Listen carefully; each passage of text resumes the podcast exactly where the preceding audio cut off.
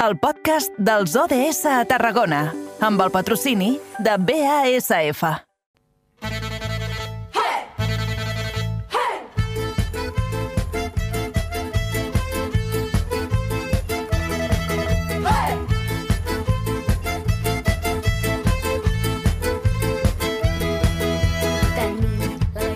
Va, que amb eh, les criades de fons, nosaltres el que farem amb les criades són la roba estesa, eh? El, el tema musical és les eh, criades. El que farem serà seguir passejant pel camp de Tarragona amb els ODS, els Objectius de Desenvolupament Sostenible, com fem cada dia en aquesta hora.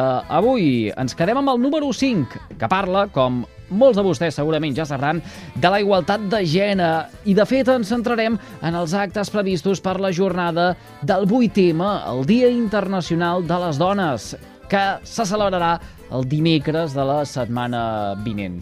Angi Aramayo, des de la nova ràdio de Reus. Bona tarda, bon dimarts. Molt bona tarda, Eduard. I bé, com tu deies, avui crec que les criades és un tema perfecte per donar a entendre aquest, uh, aquest tema que tractarem avui. I per conèixer més detalls sobre aquest dia, les seves implicacions i tot el que es farà, avui tenim com cada 15 dies a l'Olga del col·lectiu Cau de Llunes, que ens visita. Bona tarda, Olga, i benvinguda. Hola, bona tarda. Justament, uh, oficialment feu la presentació de tots els actes demà. Però abans de començar a desgranar tot aquest programa d'actes, eh, que de seguida ho farem, si et sembla bé, eh, expliquem una miqueta el nexe vertebrador d'aquest 8M i el lema que s'ha escollit per enguany. Bueno, aquest 8M, un cop més, hem decidit fer vaga general, eh, que això vol dir que fem vaga laboral, vaga de cures, vaga estudiantil i vaga de, de consum.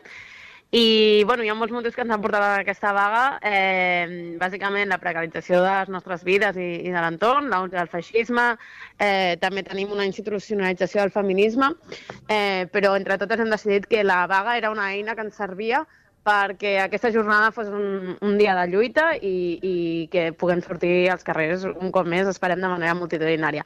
I els lemes que hem triat en guany, al Camp de Tarragona tenim el lema d'Unim-nos per una vida digna, per tot això que parlàvem, no? de, de reclamar eh, una resposta feminista a tot aquesta, a aquest procés de precarització de la vida. I després també a nivell de, de països catalans, que estem coordinades amb altres col·lectius feministes d'arreu, doncs eh, hem triat el lema d'un dia no podrem més i juntes ho podrem tot. Uh -huh. A banda d'aquests dos lemes que ens acabes de mencionar, també a través de les vostres xarxes socials heu fet menció a 12 punts per defensar. Fes-nos uh, 5 cèntims d'aquests 12 punts que, que justament els podreu trobar a les diverses xarxes socials del Cau de Llunes. Doncs sí, no? són dues propostes que tenim, que diem de mínims per, per, per defensar una vida digna i que van des de la, demanar serveis públics de qualitat, de, uns serveis sanitaris, educació, serveis socials, eh, com, eh, com per exemple reivindicar un cop més els nostres drets sexuals i reproductius, sobretot en el tema de, de l'avortament, eh, denunciar la, la repressió que estem patint el moviment feminista i tots els moviments socials en general, i, i altres coses que normalment queden invisibilitzades, com per exemple eh, denunciar un cop més la llei d'estrangeria i, i el, un sistema racista que també tenim i defensar un, una sostenibilitat de la vida també a nivell de l'entorn natural. No? És, és, és una mica la mirada feminista sobre tots aquests temes que, que a vegades sembla que no tinguin tant a veure amb el feminisme, però nosaltres, el món que, que volem crear, doncs, es mira des de tots els àmbits. I per això hem fet aquest recull de les nostres 12 propostes de mínims per, per una vida digna. Olga, escolta una cosa. Eh, des d'aquesta òptica feminista que ara feia referència, eh, hem avançat respecte al 8M del 2022?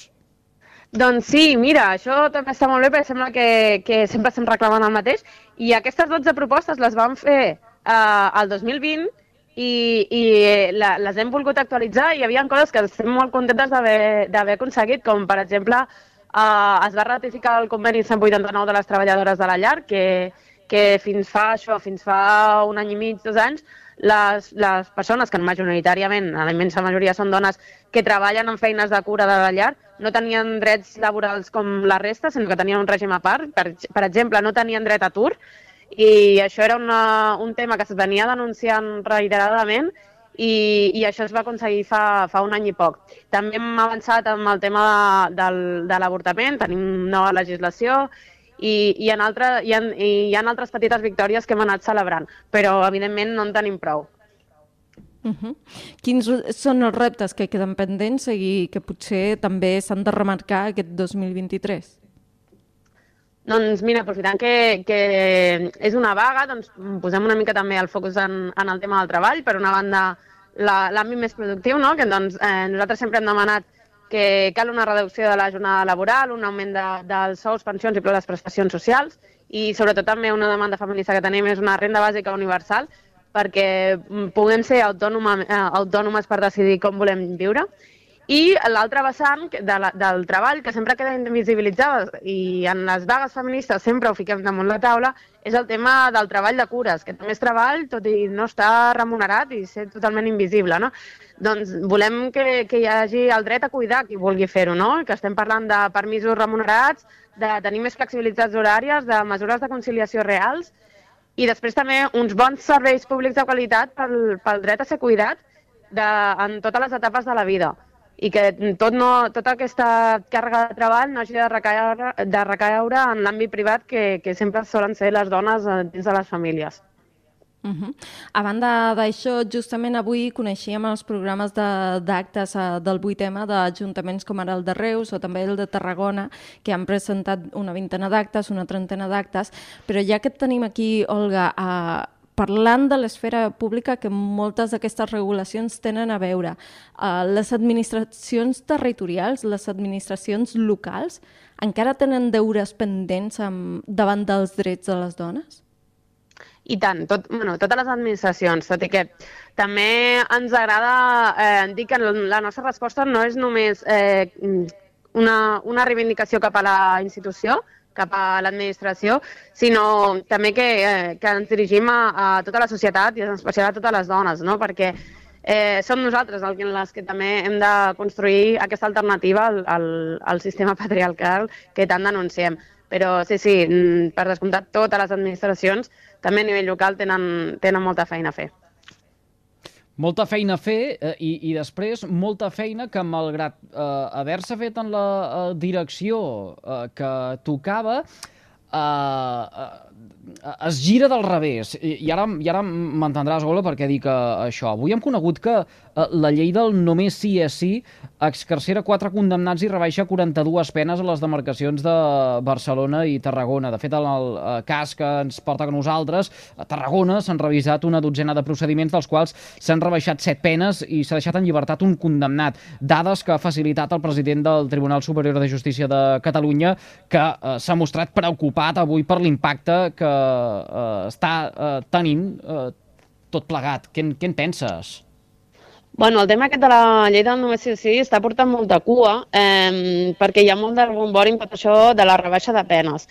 I això és un, un tema una mica complex. Eh, per una banda, el feminisme mai ha demanat més penes. Se, se, un, o sigui, penes més dures, totes sabem que, que no es tradueix en menys agressions. Eh, això no ho hem reclamat mai des del feminisme. Una cosa bona que té aquesta, aquesta llei, en canvi, és que contempla com a agressió moltes altres coses que abans no estaven tipificades com a agressió. No? Eh, així que el, el, s'ha fet molt de ressò que amb aquesta rebaixa de penes, mm, tillant la, la llei de, de contraproduent, però dins del feminisme hi ha prou consens que, que és una reforma que s'estava esperant, sobretot també amb la definició del consens que ha de ser explícit i tot això. I ja et dic, no estem reclamant més anys de presó, ningú, ningú ha reclamat mai. I, i clar, um, hi ha una aplicació d'aquesta llei que si es rebaixen la, les, bueno, és que això és un tema jurídic també, la forquilla de, de, de penes, doncs hi ha jutges que ho interpreten d'unes maneres que creuen que han de rebaixar les penes. Però en tot cas, nosaltres no hem volgut mai posar el focus en quants anys de presó han de, han de complir les persones condemnades per, per agressions, sinó no és un, una mirada una mica més transformadora i sobretot preventiva. Mm. Uh, va, doncs reconduïm-ho uh, i fem una uh, darrera sí. qüestió. Uh, Olga, uh, dèiem en començar que avui ajuntaments com Tarragona i Reus han presentat el programa del 8M. Uh, des de Cau de Llunes ho feu demà. Algun titular així que vulguis deixar anar en primícia per la gent de Carrer Major? Bueno, que tothom a la vaga, que serà una vaga general com cal i, i us convidem sobretot a la manifestació que començarà a les 12 a, a la plaça Imperial Tàrraco, però que hi ha molts actes que busqueu a les xarxes Plataforma 8 de març, perquè del Camp de Tarragona estem eh, organitzant actes per tot arreu. A Reus aquest dissabte ja comencen amb una xerrada, la xiricota també animem a tothom a, a aquest dissabte la tarda a anar a Barcelona a la manifestació contra el hard rock. Eh, a Riudoms també fan, fan activitats el cap de setmana següent, el dia 11. Eh, a Cau de Llunes, per exemple, aquí a Tarragona, eh, a, dijous convoquem un altre comitè de vaga per qui vulgui acabar d'ajudar-nos a organitzar tot plegat i divendres també fem una, una formació online, al casal Sageta de Foc. Vull dir que si aneu buscant per les xarxes hi ha moltes activitats en aquest 8 de març, però sobretot ens veiem dimecres que ve a, a la manifestació que farem a les 12 a la plaça Imperial Tarracó. Per cert, que carrer Major de dimecres de la setmana vinent tindrà també eh, aquest eh, tint violeta de principi a fi. Ja n'anirem donant més detalls a mesura que ens acostem a la data. Olga, moltíssimes gràcies un dia més per fer-nos confiança. Una abraçada i fins d'aquí 15 dies. Igualment, que vagi molt bé. Adéu. L'Olga, que és membre del col·lectiu Cau de Llunes, eh, que enfoca la mirada en aquesta eh, eh, òptica, en aquesta vessant eh, feminista eh, que tenim en compte i que contemplem en el eh, programa, no d'aquesta temporada, sinó ja de temporades eh, anteriors. Angie, és tard i em penso que ploure no, però ens esperen eh, els companys de BXC Ràdio, així que acabis de passar un bon dia. A reveure! Adeu!